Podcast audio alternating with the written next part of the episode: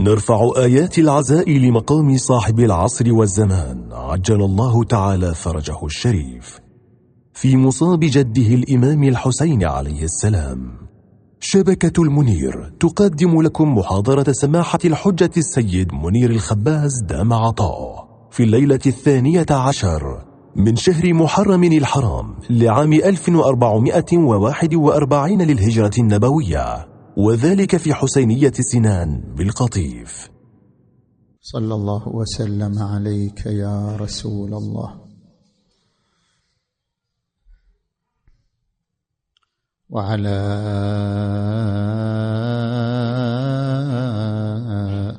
أهل بيتك المنتجبين يا ليتنا كنا معكم فنفوز فوزا عظيما. أعوذ بالله من الشيطان الغوي الرجيم.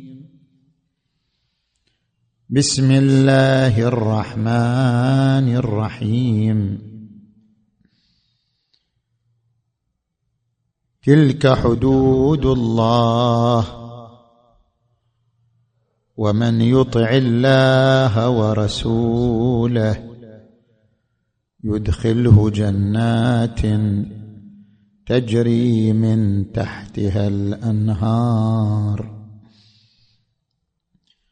آمنا بالله صدق الله العلي العظيم. هناك عدة آيات في القرآن الكريم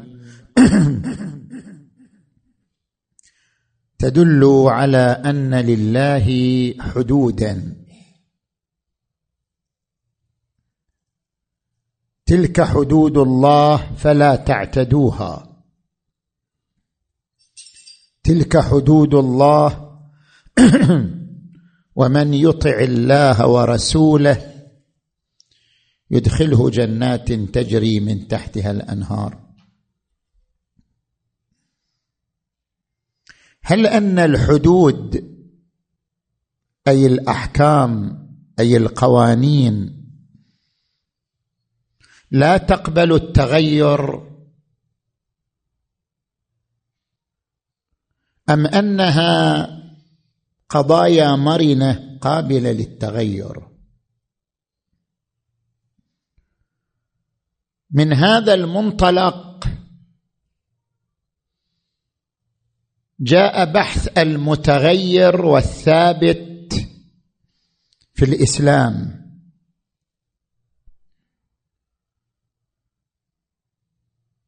هل أن أحكام الإسلام ثابتة؟ أم أنها مرنة قابلة للتغير؟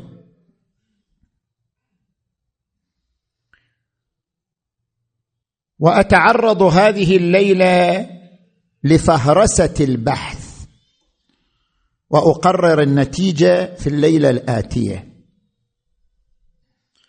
فهرسة هذا البحث الثابت والمتغير من خلال محاور ثلاثة. شرح المصطلحات وبيان الميزان في التغير وبيان أنواع التغير للحكم. نأتي إلى المحور الأول. نحن لدينا ثلاث مصطلحات. ما هو الدين الذي نبحث عن تغيره؟ ما هو مقصودنا بالتغير؟ ما هي المجالات التي يقع فيها التغير؟ السؤال الأول عندما نقول الدين ثابت أم متغير ماذا نقصد بالدين؟ ليس المقصود بالدين الوحي الذي نزل على النبي محمد صلى الله عليه وآله لأن الوحي ليس بمتناول أيدينا حتى نقوم ببحثه وفرز الثابت منه والمتغير. وإنما مقصودنا بالدين المضامين المذكورة في الكتاب والسنة. هذه المضامين التي وصلت إلينا من الكتاب من سنة النبي من سنة المعصومين صلوات الله عليهم أجمعين. هذه المضامين هي الدين الذي نبحث أنه ثابت أم متغير. السؤال الثاني ما هو المقصود بالتغير؟ التغير هو عبارة عن اختلاف الحكم باختلاف الزمن أو اختلاف المكان أو اختلاف الحالة.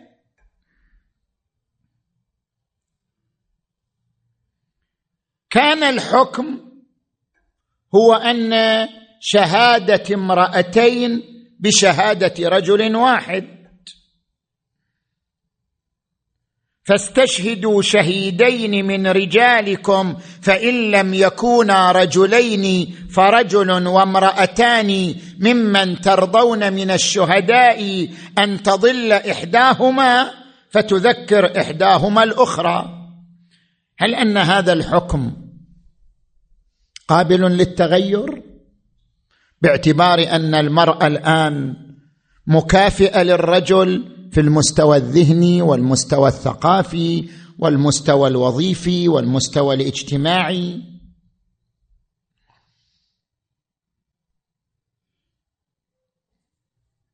السؤال الثالث ما هي المجالات التي نتوقع فيها التغير؟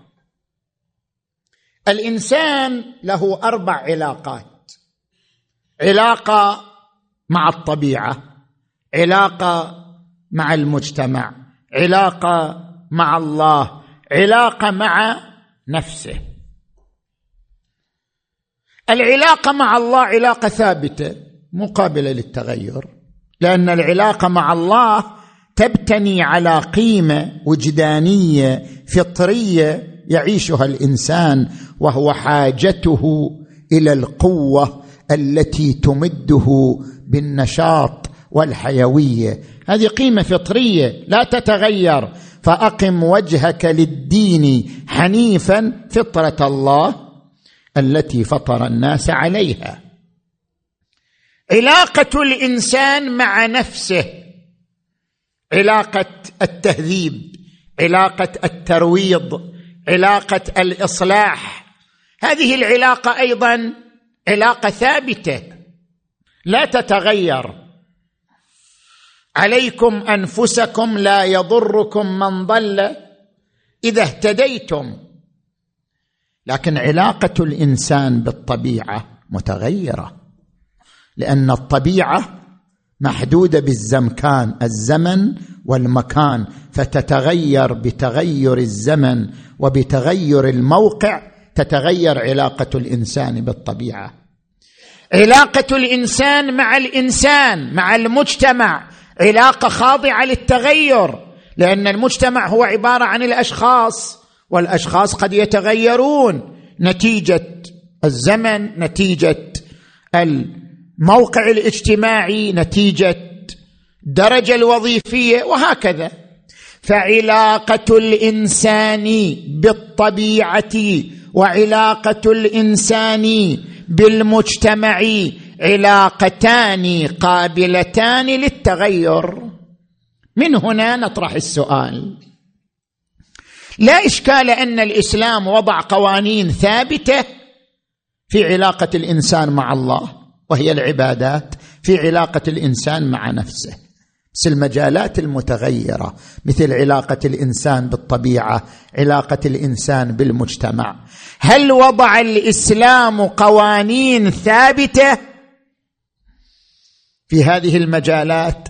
أم وضع قوانين مرنة تتغير بتغير هذه العلاقات؟ أم أن الإسلام ترك الصفحة خالية؟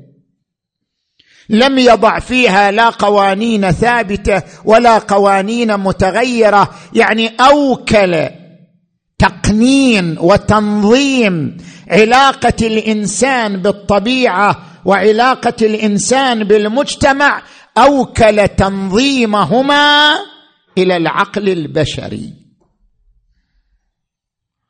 هذا هو السؤال المطروح. ننتقل إلى المحور الثاني من حديثنا. لا إشكال أن بعض الأحكام الشرعية تتغير بتغير الحالة. كان مسافر صلاة قصر صار حاضر صلاه تمام كان سليم يصوم شهر رمضان مريض عليه القضاء. فمن كان منكم مريضا أو على سفر فعدة من أيام أخر. الحكم يتغير بتغير الحالة ما في كلام. إنما البحث وين؟ البحث ما هو المعيار في التغير؟ نحن ندري أن بعض الأحكام بعض القوانين الشرعية تتغير. نبحث ما هو المعيار. ما هو المقياس في تغير الحكم في تغير القانون؟ عندنا أربعة معايير. التغير المفهومي التغير الموضوعي التغير المصداقي التغير الذاتي. أي معيار من هذه المعايير الأربعة نقبله أو نرفضه؟ نأتي إلى المعيار الأول. تغير الحكم لتغير المفهوم. كيف يعني؟ هناك فرق بين الدين الواقعي والدين الظاهري. الدين الواقعي هو هذا الوحي الذي تعطر به قلب النبي محمد. وسلم على محمد. نزل به الروح الأمين على قلبك لتكون من المنذرين. هذا ثابت لا يقبل التكامل. أما الدين الظاهري فهو فهم البشر للدين. فهم الدين هو الدين الظاهري. كيف يفهم الإنسان النص الديني؟ كيف يفهم الإنسان النص القرآني؟ كيف يفهم الإنسان سنة المعصومين؟ فهم الإنسان للدين هو الذي نعبر عنه بالدين الظاهري. هذا الفهم قد يتغير. تغير المفهومي هذا شيء واقع بالضرورة. ولذلك يختلف الفقهاء في فهم النص. عندما نقرأ قوله تعالى إنما المشركون نجس فلا يقربوا المسجد الحرام. هنا يختلف الفقهاء في معنى اللفظ ما معنى نجس؟ هل المقصود به النجاسه الخبثية؟ يعني أن المشرك بدنه نجس؟ أم المقصود النجاسة المعنوية؟ يعني أن الشرك نجاسة قلبية وجدانية يعيشها المشرك. طبعا أنت حتى تحدد هذا الفهم أو هذا الفهم لابد أن تستند إلى أدوات علمية. ومن هذه الأدوات العلمية أدوات الاستظهار اللغوي. لازم يصير عندك حالة استقراء. تستقرأ الاستعمالات العربية. وين العرب يستخدموا كلمة نجس؟ هل يستخدموها في النجاسة الخبثية أو في النجاسة المعنوية؟ اذا تحديد الفهم لا بد أن يعتمد على أدوات علمية. ولا ما يصير إلى قيمة الفهم. لابد أن يعتمد على أدوات منهجية منها أدوات الاستظهار اللغوي. خل أضرب لك مثال؟ شوية شوية المثال يطول لكن لتفهم الموضوع. الدكتور محمد شحرور في كتابه الكتاب والقرآن باحث سوري ذكر أن الحدود في القرآن الكريم على أقسام أربعة. منها ما كان بالحد الأدنى منها ما كان بالحد الأعلى منها ما كان بالحد الأدنى والأعلى منها ما كان بالحد بين الأدنى والأعلى. ما هي الأمثلة؟ عندما نأتي إلى قوله تعالى حرمت عليكم أمهاتكم. يعني النكاح نكاح الأمهات حرام. حرمت عليكم أمهاتكم وبناتكم وأخواتكم خالاتكم عماتكم إلى آخره. يقول هذا بيان للحد الأدنى. يعني الحد الأدنى من النساء المحرمات الأم والأخت والبنت والخالة والعمة. بس يمكن يصير النساء المحرمات أعلى من هؤلاء. ممكن. القرآن جاي يتكلم عن الحد الأدنى من النساء المحرمات. بس يمكن يصير النساء المحرمات أعلى من ذلك. بنت الخال ممكن تصير محرمة بنت العم ممكن تصير محرمة إذا كان بها مرض. تحرم على الرجل لأن بها مرضا مثلا معديا تصير حرام. فالإسلام يتكلم القرآن يتكلم عن الحد الأدنى من النساء المحرمات. أما الحد الأعلى يتجاوز هذه العناوين المذكورة في القرآن. القسم الثاني الحد الأعلى وهو ما ورد في حد السرقة. والسارق والسارقة فاقطعوا أيديهما الاصابع الأربعة. يقول هذا قاعد يتكلم عن الحد الأعلى. مو كل سرقة نروح نقطع إيده لا. قد تعالج السرقة بإيقاف الخدمات عن السارق. قد تعالج السرقة بسجن السارق قد تعالج السرقة بتعزيره بجلده لكن أقصى حد تعالج به السرقة قطع الأصابع. فالإسلام ما قاعد يتكلم عن حد السرقة قاعد يتكلم عن الحد الأعلى يعني لا يجوز تجاوزه. نجي بعدين إلى الحد الأدنى والأعلى يعني الحد الحاسم. لا أقل لا أكثر مثل حد الزنا. والزاني والزانية فاجلدوا كل واحد منهما مئة جلدة. ولا تأخذكم بهما رأفة في دين الله. يعني شنو؟ يعني هذا حد ما يقبل النقيص وما يقبل الزيادة. أدنى وأعلى. مئة جلدة لكل زاني. لما جاء إلى الميراث نقطة الفهم اللي نريد نناقش فيها هنا لما جاء إلى آية الميراث. يوصيكم الله في أولادكم للذكر مثل حظ الأنثيين. القرآن جاي يقول للذكر إلى ستة وستين بالمئة فاصلة ستة والأنثى لها ثلاثة وثلاثين بالمئة فاصلة ثلاثة. هل هذا بيان للحد الحاسم؟ لا. يريد القرآن أن يقول الحد الأعلى لنصيب الذكر 66.6 يعني ما تعطوا الذكر أكثر هذا أعلى شيء. والحد الأدنى لنصيب الأنثى 33.3 يعني ما يصير تعطوها أقل. جاي يحدد الأقل وحدد الأكثر. ما جاي يقول هذا هو الحد الحاسم وإلا يمكن نعطي الأنثى خمسين بالمئة ونعطي الذكر خمسين بالمئة يتساووا ويتصالحوا. ويمكن نعطي الأنثى إذا كانت هي الأحوج ستين بالمئة ونعطي الذكر أربعين بالمئة. ما في مشكلة. القرآن ما جاي يقول لنا هذا أمر حاسم. جاي يقول هذا الحد الأدنى الذي لا يقل بس يمكن يصير أعلى والحد الأعلى الذي لا يزيد بس يمكن يصير شنو؟ أقل. طيب من وين هذا الفهم جاء هل هو اعتماد على منهج علمي؟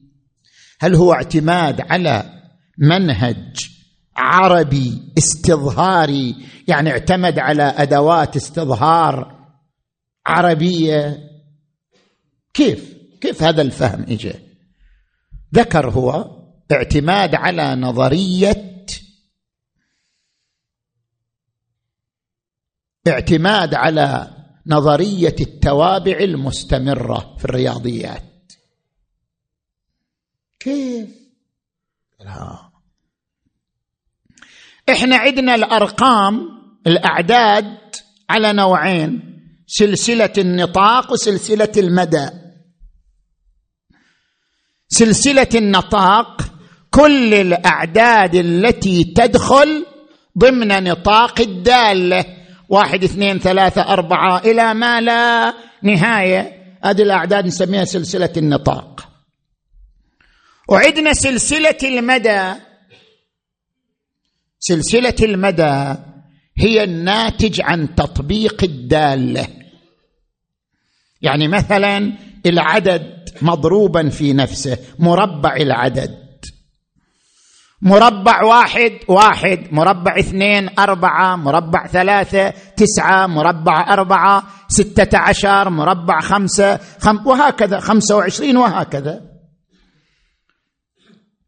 مربع العدد هو مداه. طيب. نجي لعكس السلسلة نعكس. نقول لو طرح علينا هذا السؤال قيل لنا ما هو الجذر الذي يسهم في تشكيل مدى تسعة؟ هذا العدد تسعة. نريد نسأل ما هو الجذر الذي يشكل هذا المدى عدد تسعة؟ ما هو؟ يعني ما هو العدد الذي إذا ضربته في نفسه كان تسعة؟ طبيعي بتقول ثلاثة. ليش؟ لأن التسعة تنقسم على ثلاثة. بس عندما يجيك السؤال لا. ما هو الجذر الذي يسهم في تكوين المدى؟ سبعة.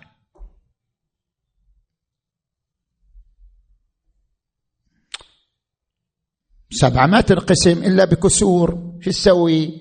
فأنت تجي تقول ها الجاذر لا أقل من اثنين لا أكثر من ثلاثة. شوف حد أدنى وحد أعلى. الجذر الذي يسهم في تكوين المدى سبعة لا أقل من اثنين لا أعلى من ثلاثة. لأن مربع اثنين أربعة مربع ثلاثة تسعة فهو بينهما لا أقل من اثنين لا أعلى من تسعة بينهما.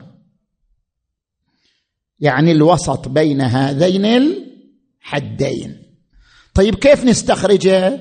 وضع لنا نيوتن. خوارزمية ضابطة لتحديد ذلك الجذر الواقع بين الحد الأدنى والحد الأعلى بين اثنين وبين ثلاثة. طبعا قراءته بالمليون بالمئات الملايين. زين. إحنا الآن فقط نقرب فكرته. هو من هذا المنطلق جاء آية الميراث. قال نفس الشيء القرآن يوم قال للذكر مثل حظ الأنثيين ناظر لحالة وسط. لا هي أقل من ثلاثة وثلاثين فاصلة ثلاثة. لا هي أزيد من ستة وستين فاصلة ستة بينهما. وهذا انقدر حسب ثقافة الاجتماعية حسب المحيط الاجتماعي اللي نعيش فيه. نقدر كم للذكر كم للأنثى. قد يتساويان قد يتفاضلان. قد تكون الأنثى أعلى من الذكر قد يكون العكس. على كل حال.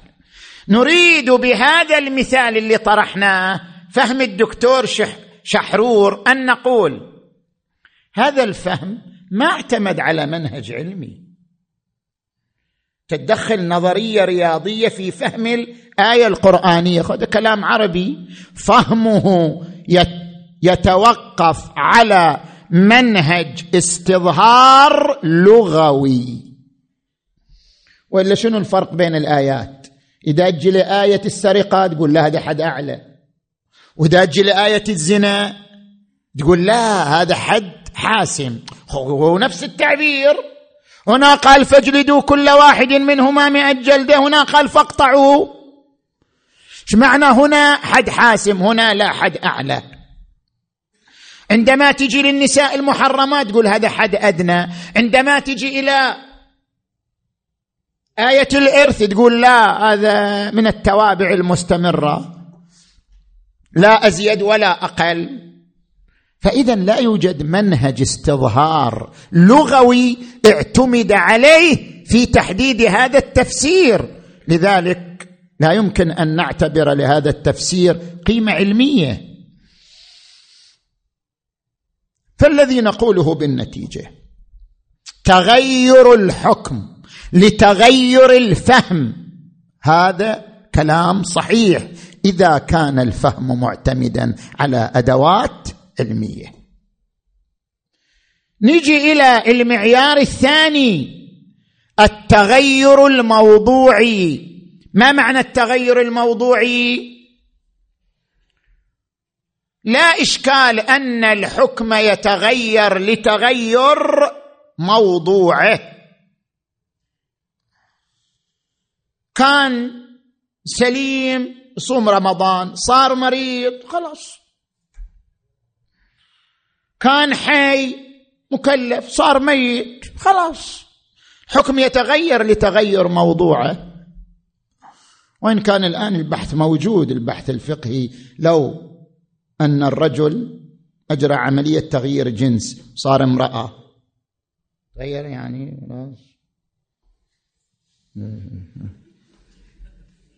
يعني يجوز أن يكون زوجة بعد أن كان زوج أو لا. يعني من أغرب ما قرأت أن الزوجين تغيروا. من أغرب ما قرأت أنا. صار الزوج زوجة والزوجة زوج. نعم. هل هذا من قبيل تغير الموضوع الذي يقتضي تغير الحكم أم لا؟ هذا محل بحث فقهي الآن ما أدخل فيه. لكن تغير الحكم لتغير موضوعه لا كلام في ذلك. إنما وين وقع البحث؟ وقع البحث. ما هو الميزان في تغير الموضوع؟ إذا تغير الموضوع الحكم يتغير بس ما هو الميزان في تغير الموضوع؟ لدينا نوعان من الميزان. تفت. النوع الأول ما طرحه الدكتور الباحث الإيراني سيد عبد الكريم سروش. في كتابه مدارة ومديريات. كتاب باللغة الفارسية. ذكر أن الميزان في تغير الموضوع المقتضي لتغير الحكم هو أن الموضوع هل هو من الذاتيات أو من العرضيات. إذا الموضوع من الذاتيات هذا ما يتغير وحكمه ما يتغير. وإذا الموضوع من العرضيات يتغير وبتغيره يتغير الحكم. ضرب مثال للذاتيات مثال للعرضيات. نجي مثلا إلى الظلم. الظلم شيء ما يتغير الظلم قبيح مقابل للتغير. الظلم علاقة بشرية قبيحة فهذه من القضايا الجوهرية الذاتية في الدين التي لا تقبل التغير. لذلك حرمة الفائدة الربوية لا تتغير لأن الفائدة الربوية ظلم. وإن تبتم فلكم رؤوس أموالكم لا تظلمون ولا تظلمون. الفائده الربوية ما تتغير لأن موضوعها من الذاتيات وهو قبح الظلم. بينما عندما نأتي يشترط في النكاح يعني في عقد النكاح أن يكون باللغة العربية. يشترط في صيغة الطلاق أن تكون باللغة العربية. يقول لك هذا من العرضيات مو من الذاتيات. كيف يعني من العرضيات؟ اللغة ما إلها ما إلها مدخلية اللغة من عرضيات الدين لا من ذاتيات الدين.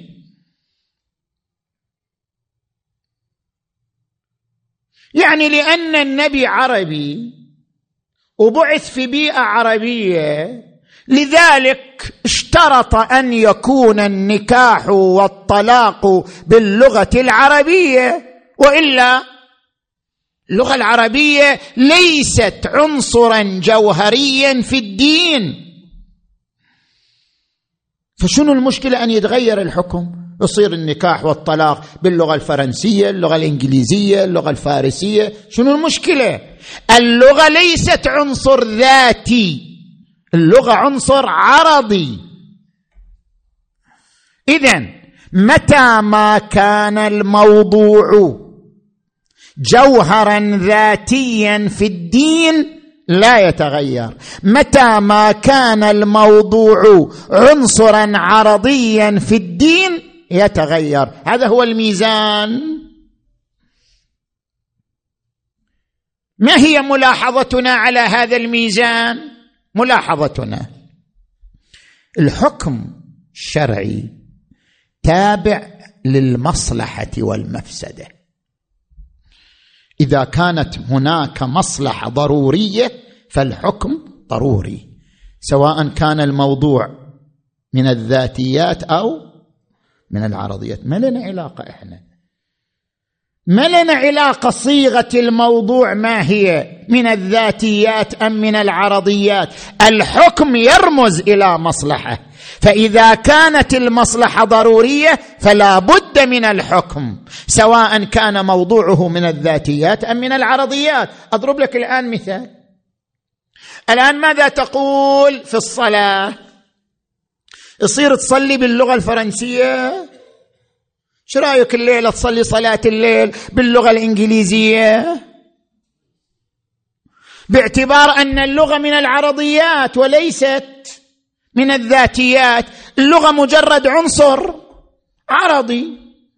فنقول الفاتحة والسورة بعد الفاتحة وذكر الركوع وذكر السجود كلها العنصر الجوهري فيها هو المضمون. وأما اللغة فهي عنصر عرضي شكلي. اذا من الممكن أن تكون الصلاة بغير اللغة العربية. شو المشكلة؟ بينما هذا مما هو من ضروريات الدين. هذا لابد باللغة العربية. زين. جيب مثال آخر. طبعا المثال الآخر محل بحث بس هو محل إجماع الفقهاء. حسب البحث النظري فيه بحث نظري بس هو محل إجماع تسليم. الآن دية الجنين. كثير في تسامح صاير بالجنين يعني ما عجبها المراه يعني أجهضت الجنين. خافت على رشاقتها خافت على أجهضت الجنين. ولا هذا الأب قال واجد علينا هالأولاد نزلوا هالجنين. يعني يصير. الجنين له دية هذا إنسان. إذا أجهضت الأم الجنين لأي سبب كان حتى لو كانت مضطرة عليها أن تدفع الدية لأبيه إلا أن يتنازل أبوه. وإذا أجهضه الأب عليه أن يدفع الدية يصرف تصرف هذه الدية في ثواب هذا الجنين. وإذا ارتكب الأمر الطبيب عليه أن يدفع الدية لأبيه إلا دية. الجنين إذا ولجته الروح صارت في حياة. سطبيا ما زال في خلاف ما هو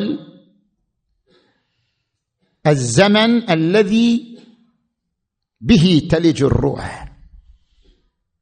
كان قبل سنين قدرها 12 أسبوع. بعد 12 أسبوع الروح تلج الجنين.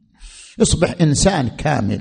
الآن في خلاف في هذا الحد. المهم الجنين بعد ولوج الروح ديته خمسة آلاف ومئتين. خمسة آلاف ومئتان وخمسون مثقال من الفضة.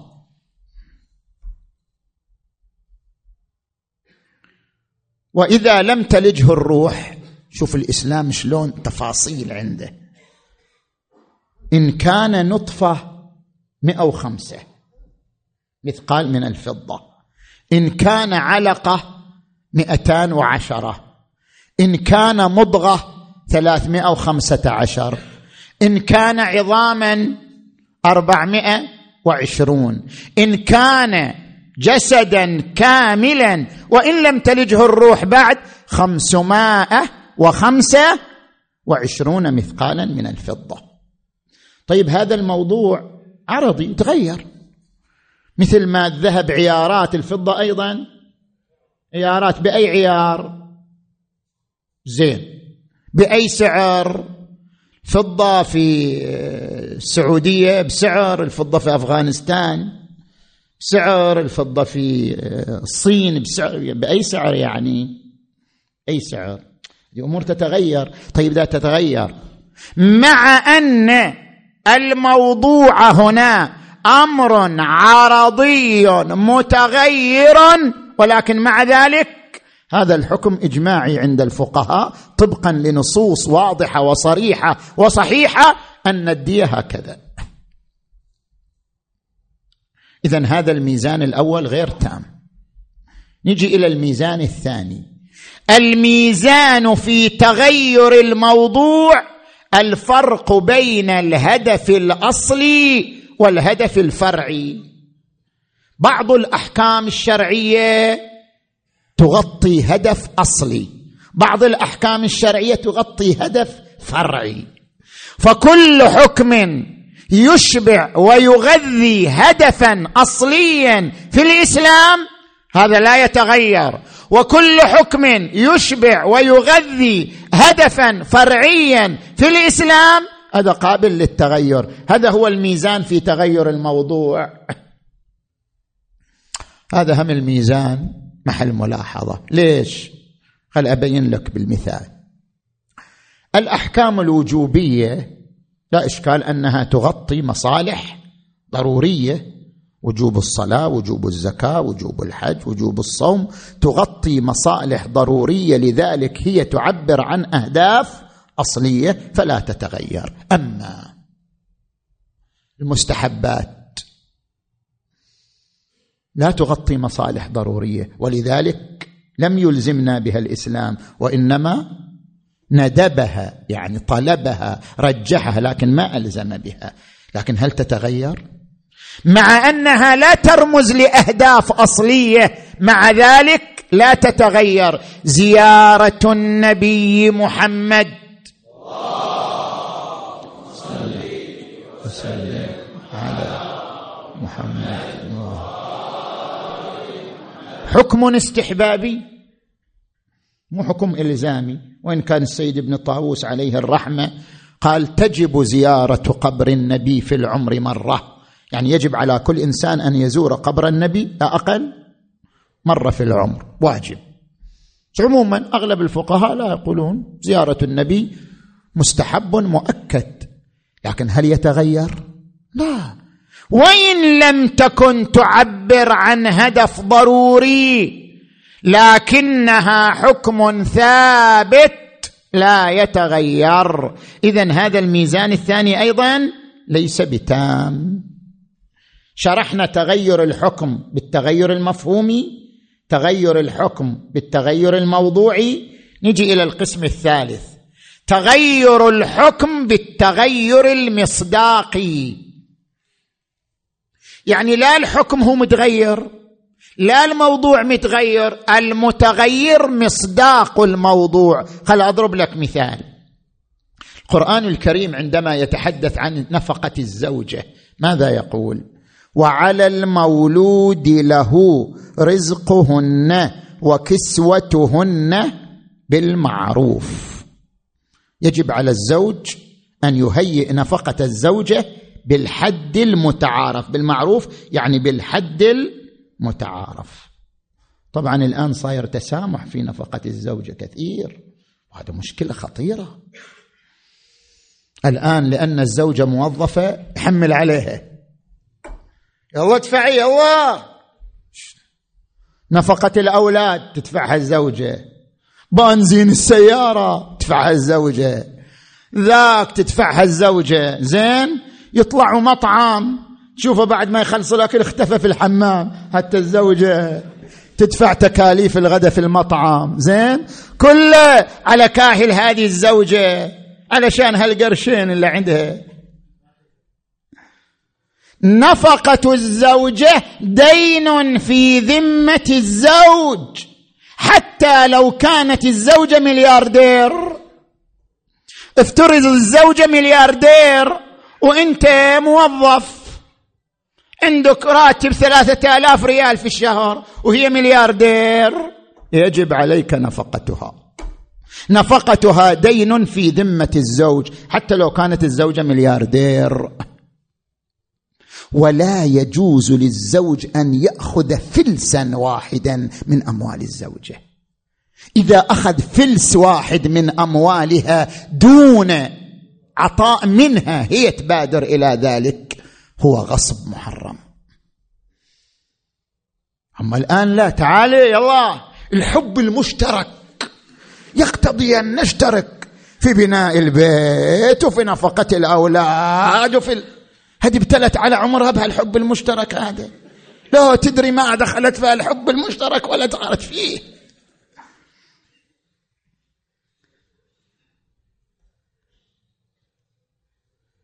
بالنتيجة أموالها لا تنال. المال كله على الزوج. يهيئ لها مسكن بأمواله. يهيئ لها الملبس والزينة بأمواله. يهيئ لها الغذاء والشراب بأمواله. نفقه بالحد المتعارف. الحكم ما يتغير. نفقة الزوجه دين في ذمة الزوج. الموضوع ما يتغير. القرآن قال رزقهن وكسوتهن بالمعروف. شنو اللي يتغير؟ يتغير المصداق. كانت الزينة قبل أربعين سنة غير الزينة؟ الآن كان لباس المرأة قبل خمسين سنة غير لباس المرأة الآن. كان المسكن الذي يليق بالمرأة قبل خمسين سنة غير المسكن الذي يليق بالمرأة الآن. اختلف المصداق. هذا أيضا ما عندنا نقاش في تغير للتغير المصداقي؟ صحيح. اذا وين النقاش؟ وين بحثنا إحنا نريد؟ ليس بحثنا في التغير المفهومي مسلم ولا في التغير الموضوعي مسلم ولا في التغير المصداقي مسلم. بحثنا في التغير الذاتي أن يتغير الحكم بذاته. من دون تغير لا في المفهوم ولا في الموضوع ولا في المصداق. هل يتغير الحكم بذاته أم لا؟ عندما نبحث هل أن الحكم الإسلامي قابل للتغير أم لا يعني هل هو قابل للتغير في حد ذاته أم لا؟ ولذلك سننتقل إلى المحور الثالث. هناك أربعة أنواع لتغير الحكم. تغير بالعنوان الثانوي تغير بالحكم الولايتي تغير بقاعدة التزاحم. هذه كلها الثلاثة مسلمة. تغير الرابع هو الذي نبحث فيه. إحنا إحنا قلنا من أول الموضوع قلنا الليلة فهرسه بس. ما بندخل في الموضوع إلا الليلة القادمة. الليلة إحنا نتعرض لفهرسة البحث النوع الأول من التغير التغير بالعنوان الثانوي. هذا مسلم في الشريعة. لمس المرأة الأجنبية حرام.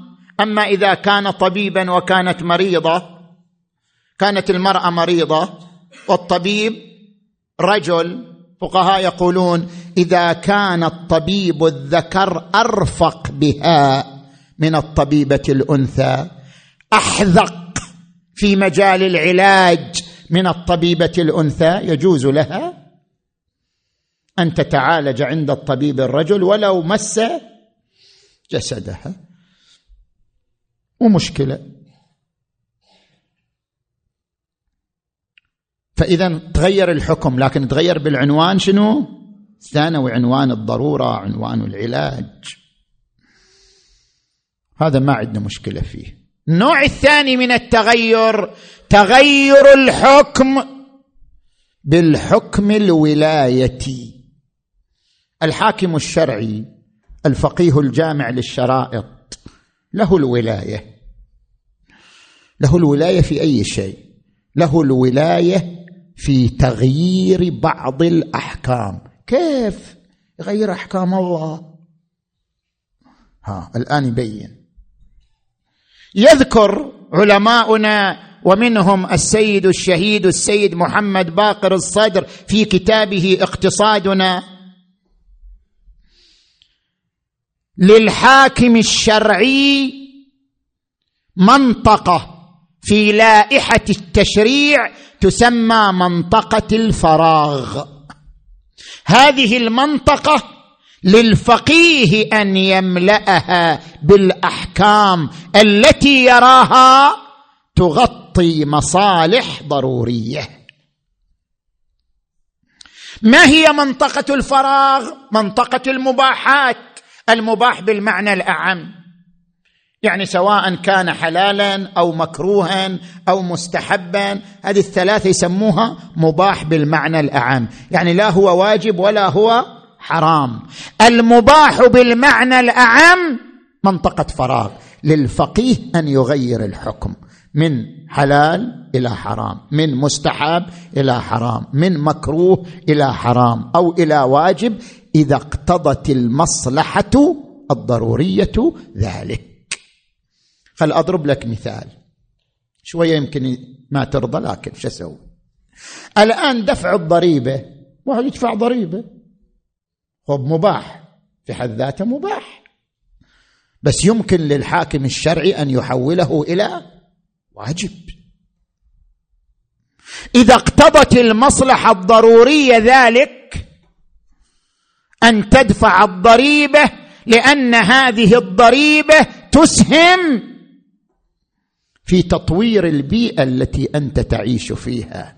بناء الجسور شق الطرقات توفير المرافق الصحية توفير لوازم الحياة توفير مرافق التعليم. إذا كان دفع الضريبة يسهم في تطوير البيئة يسهم في تنقية البيئة للحاكم الشرعي أن يلزم بدفع الضريبة. فيتحول دفع الضريبة من كونه مباح إلى كونه شنو؟ واجب. وصير هذا الحكم لازم. ما في شارة. يجب الالتزام به. هذا من تغير الحكم بالحكم الولايتي. ما عندنا مشكلة في ذلك. النوع الثالث تغير الحكم لقاعدة التزاحم. كيف تغير الحكم لقاعدة التزاحم؟ أيضا أضرب لك مثال. إذا حصل عندك تزاحم بين الصلاة وبين إنقاذ الغريق أيهما يقدم؟ افترض أنت في آخر الوقت. كنت نايم وما جلست إلا باقي على الوقت. وتغيب الشمس. باقي على الوقت أربع دقائق وتغيب الشمس. يلا يلا. وفجأة وجدت أمامك إنسان يحتاج إلى الإنقاذ يحتاج إلى إسعاف. وأنت ما تقدر تجمع بين الصلاة وبين الإنقاذ. يقدم إنقاذ النفس المحترمة على الصلاة وإن كانت الصلاة عمود الدين إن قبلت قبل ما سواها وإن ردت رد ما سواها إلا أن الأهم يقدم على المهم. هنا الحكم يتغير. الصلاة واجب مؤقت. إن الصلاة كانت على المؤمنين كتابا موقوتا. مع ذلك هذا الحكم قد يتغير. إذا زاحمه واجب أهم. وإن كان بعض الموارد يتردد الفقهاء. يعني الآن مثلا بين صلاة الآيات وصلاة الفريضة. إيش رأيك؟ لو أنت جلست شفت ما باقي إلا أربع مقدار أربع ركعات. لكن من جهة عليك صلاة آيات. يعني هناك كسوف للشمس. ولا بد أن تصلي قبل الانجلاء. شو تسوي أنت الآن؟ قدم صلاة الآيات لو صلاة الفريضة. يلا هذه مسألة حلوها. إذا في موارد التزاحم قد يتغير الحكم لأجل قاعدة التزاحم. فليس بحثنا في التغير بالعنوان الثانوي ولا في التغير بالحكم الولايتي ولا في التغير نتيجة قاعدة التزاحم. محل البحث في تغير الحكم بذاته. ما معنى تغير الحكم بذاته؟ أذكر لك ثلاثة موارد وانهي الموضوع. المورد الأول هل في الشريعة الإسلامية منطقة فراغ ما فيها أي حكم يملأها الفقيه بحسب اجتهاده؟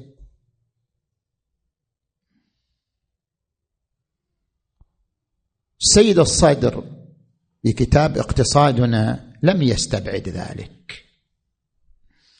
قال من المحتمل في الجانب الاقتصادي محتمل أن الله تبارك وتعالى من الأول جعل منطقه في التشريع المتعلق هذه المنطقة المتعلقة بالاقتصاد.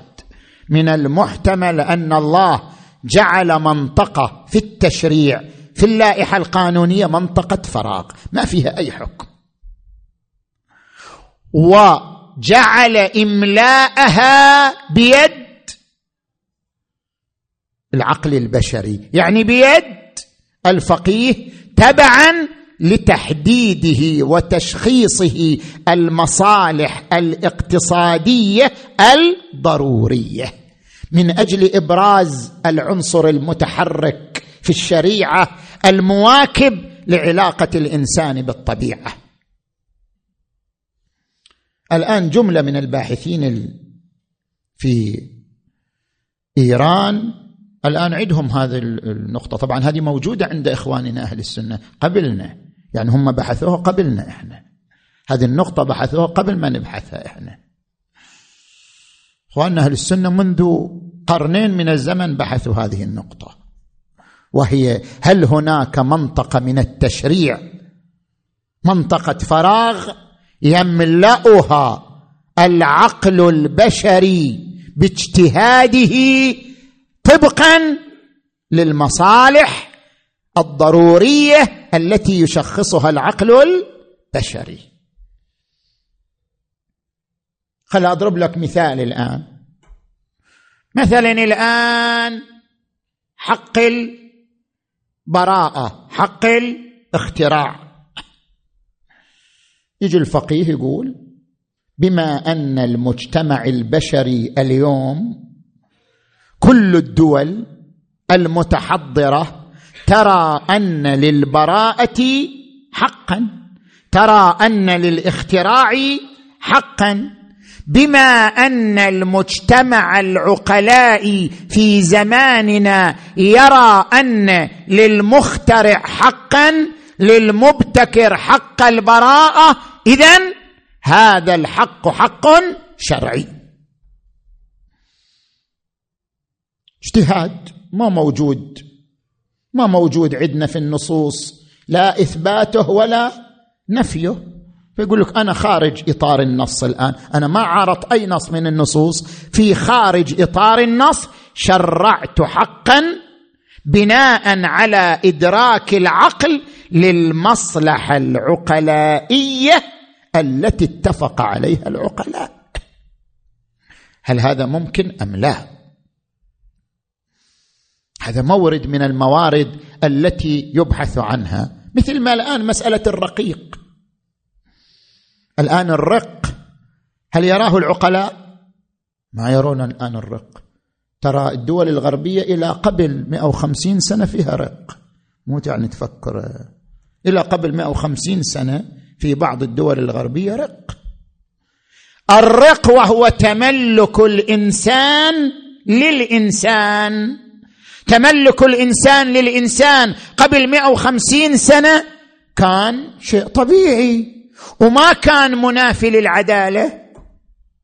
الآن في زمننا هذا اتفقت المجتمعات والدول على أن الرق ظلم. تملك الإنسان للإنسان ظلم. اذا يتغير الحكم؟ هذا المورد الأول للبحث. المورد الثاني للبحث أن هل للحاكم الشرعي الولاية على إيجاد مصداق أو تشريع حكم نتيجة لتشخيصه هو للمصلحة الضرورية؟ مثلا الآن هذه العملة الرقمية. العملة الرقمية إلى الآن الفقهاء عندهم تردد. هل هذا مال أو مو مال؟ يعني هل هذا يباع به ويشترى به؟ لا. فلو أن الحاكم الشرعي رأى أن المصلحة تقتضي أن يعتبره مال. فإذا اعتبره مال تترتب عليه آثار المال. شنو آثار المال؟ يورث. ما تروح للخمس مو كل على الخمس شوي شوي. يورث يمهر للزوجة. إذا عند مليون من العملة الرقمية ترثها ورثته بعد وفاته. إذا أراد أن يتزوج امرأة له أن يمهرها. بعدد من هذه العملة الرقمية مال بعد. هل للفقيه أن يعتبره مال؟ فهو يوجد مصداق ما موجود. قل هذا مصداق للمال فتترتب عليه آثار المال بحكم ولايتي من قبله أو يشرع حكما في مورد التزاحم. الناس ما تراه هو يراه. مثلا أضرب لك مثال. تحديد عدد الحجاج وعدد الزوار. هل يقدر الفقيه يحدده؟ هل يقدر الحاكم الشرعي يحدده؟ يجي الحاكم الشرعي يقول لك طيب أنا شو أسوي؟ حتى أوفر بيئة صحية وآمنة للحجاج لابد أن أحدد العدد. ما يمكن أنا أن أحافظ على بيئة صحية آمنة والعدد مفتوح. اذا بالنتيجة يجي الحاكم الشرعي يقول أنا بين أمرين. بين وجوب الحج على المستطيع. هذا مستطيع واجب عليه الحج. عنده سبعة عشر ألف ريال. أظن أقل الحملات الشكل مو؟ هذا عنده سبعة عشر ألف ريالا يمتلك الاستطاعة يجب عليه الحج. لكن مع ذلك هذا جاء بعد اكتمال العدد. النظام يمنع دخوله إلى مكة لأنه خارج العدد المسموح به. هل للحاكم الشرعي ذلك. حاكم الشرعي يقول أنا بين أمرين بين أداء هذا المكلف للواجب وبين الحفاظ على بيئة صحية آمنة للحجاج. أنا أرى الثاني شنو؟ أهم من الأول. فألزم بعدد معين. أو عدد الزوار. سموش إلا عدد الحجاج حتى الزوار. زوار الرضا زوار الحسين وهكذا. نفس المسألة. زين. المورد الثالث والأخير. كل هذه الموارد سأبحثها في الليلة الآتية. المورد الثالث والأخير أن يتغير الحكم لتغير العنوان فقط من دون تغير موضوع ولا مفهوم ولا مصداق الموضوع. أن يتغير الحكم لتغير العنوان وقد مثلنا له في البداية. القرآن الكريم يقول فاستشهدوا شهيدين من رجالكم فإن لم يكونا رجلين فرجل وامرأتان ممن ترضون من الشهداء أن تضل إحداهما فتذكر إحداهما الأخرى. فيجي الفقيه الآن يقول خذ غيرت المرأة.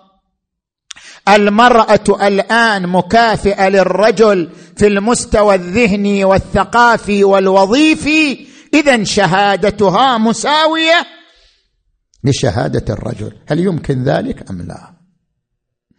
الآن إحنا عندنا بعض الباحثين إذا تطلع حتى على مستوى أحكام الميت. طالبوا بالتغيير.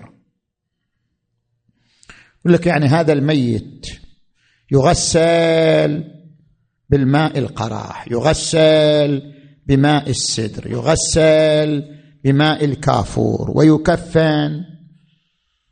لماذا؟ لماذا نجمد على هذه الظواهر؟ الهدف من استخدام ماء السدر والكافور تعقيم جسمه منع انتشار الأوبئة والأمراض تنقية جسده وهذا يمكن أن يتحقق بمعقمات أخرى. لا مدي تولتر بنزين تريد تقضي عليه أنت.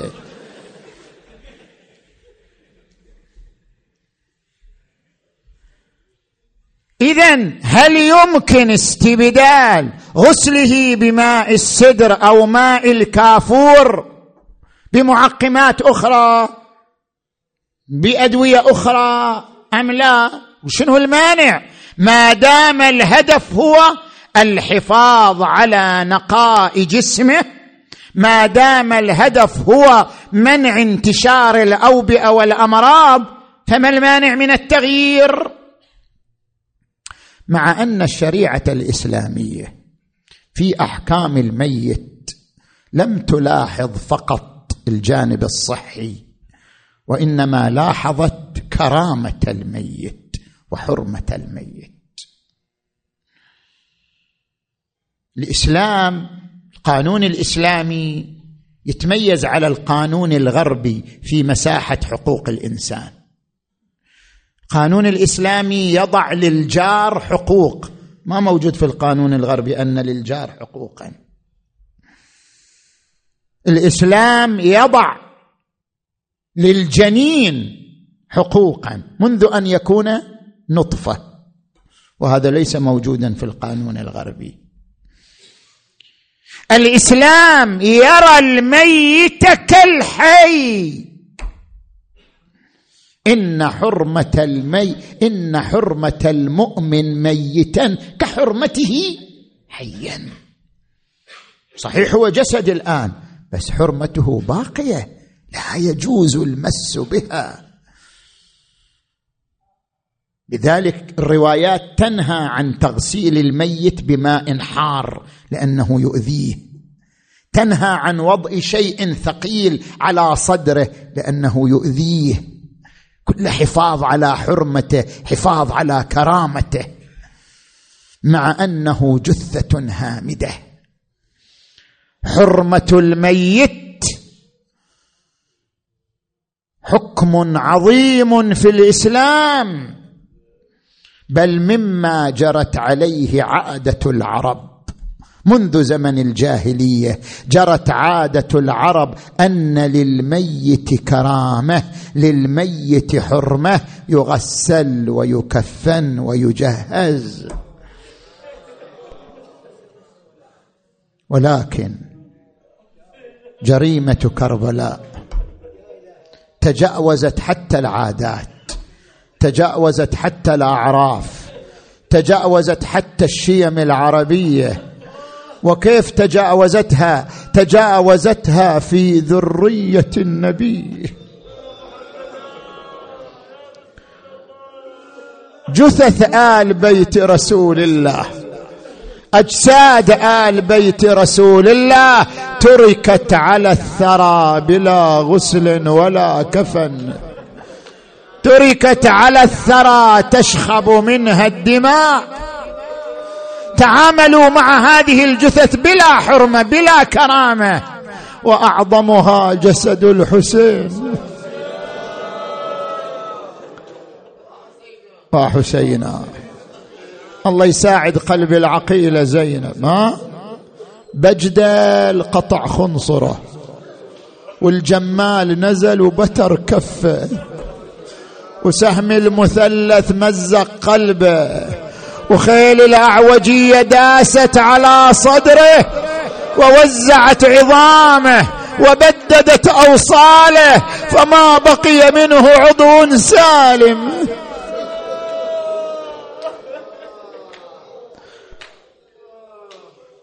وجيء بالسبايا على النياق ومروا بهم على الأجساد حتى يروها. ها لما نظرت العقيلة زينب رأت جسد أخيها ممزقا مبضعا مقطعا.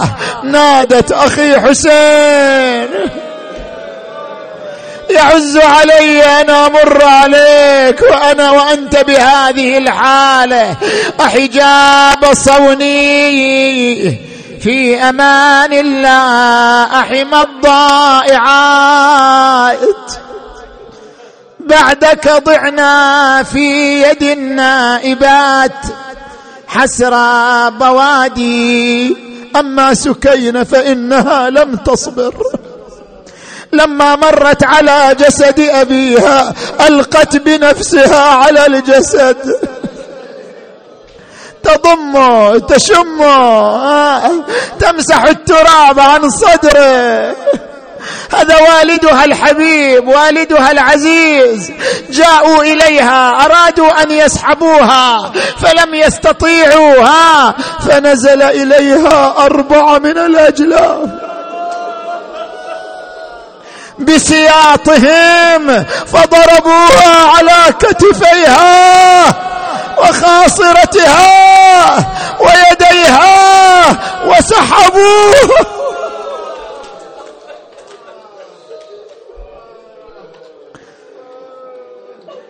وحسينا وسيدا ماذا تصنع العقيله زينب؟ اتجهت بأبي وأمي إلى جسد أبي الفضل العباس. عباس ما انت اللي جبتني وبيدك يا خويا ركبتني دنهاض دنهاض يا خويا وشوف.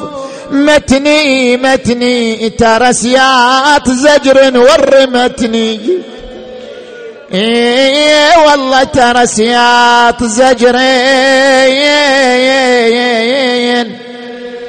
ويا يا يا الرمت ودعتك الله يا الاخ ضعن الحرم شال. حرمة وغريبة ومبتلية بحرام وطفة. عنكم يا أبو فاضل ترى قوة خذا. كل ما جرى دمعي على خدود ضربوني. كلكم ضياغم يا اخوتي وتضيعوا ضيعوا سفر ويتايام ما يخفاكم الحال. عباس خويا من المدينة بذمتك جي لاجلك ولاجل حسين. عفت الوطن والبيت وشوف جيت الكربلاء ومني تبرأ بعت السهم مني وبليتوني بهالعب تحراياك يا ويلي صاحب النفس الأبية وقال يا خي سفرتش غصبا. علي إيش بإيدي يا خي اليوم عاقتني المنية. إيه والله جثة بليارة يا يا يا يا. لا يمنى ولا شما يا يا أخي من يحمي بنات محمد إن صرنا يسترحمنا يا الله. اللهم بحق الحسين الوجيه وجده وأبيه وأمه وأخيه والتسعة من بنيه اللهم اغفر ذنوبنا واستر عيوبنا وكفر عنا سيئاتنا وتوفنا مع الأبرار اللهم اشف مرضانا ومرضى المؤمنين والمؤمنات واقض حوائجنا وحوائجهم وفرج عنا وعنهم يا أرحم الراحمين اللهم عجل فرج وليك وابن أوليائك واكتب له النصر والظفر واجعلنا من أنصاره والمرضيين عنده وإلى أرواح أموات المؤسسين والمؤمنين والمؤمنات. الفاتحة. تسبقها الصلوات.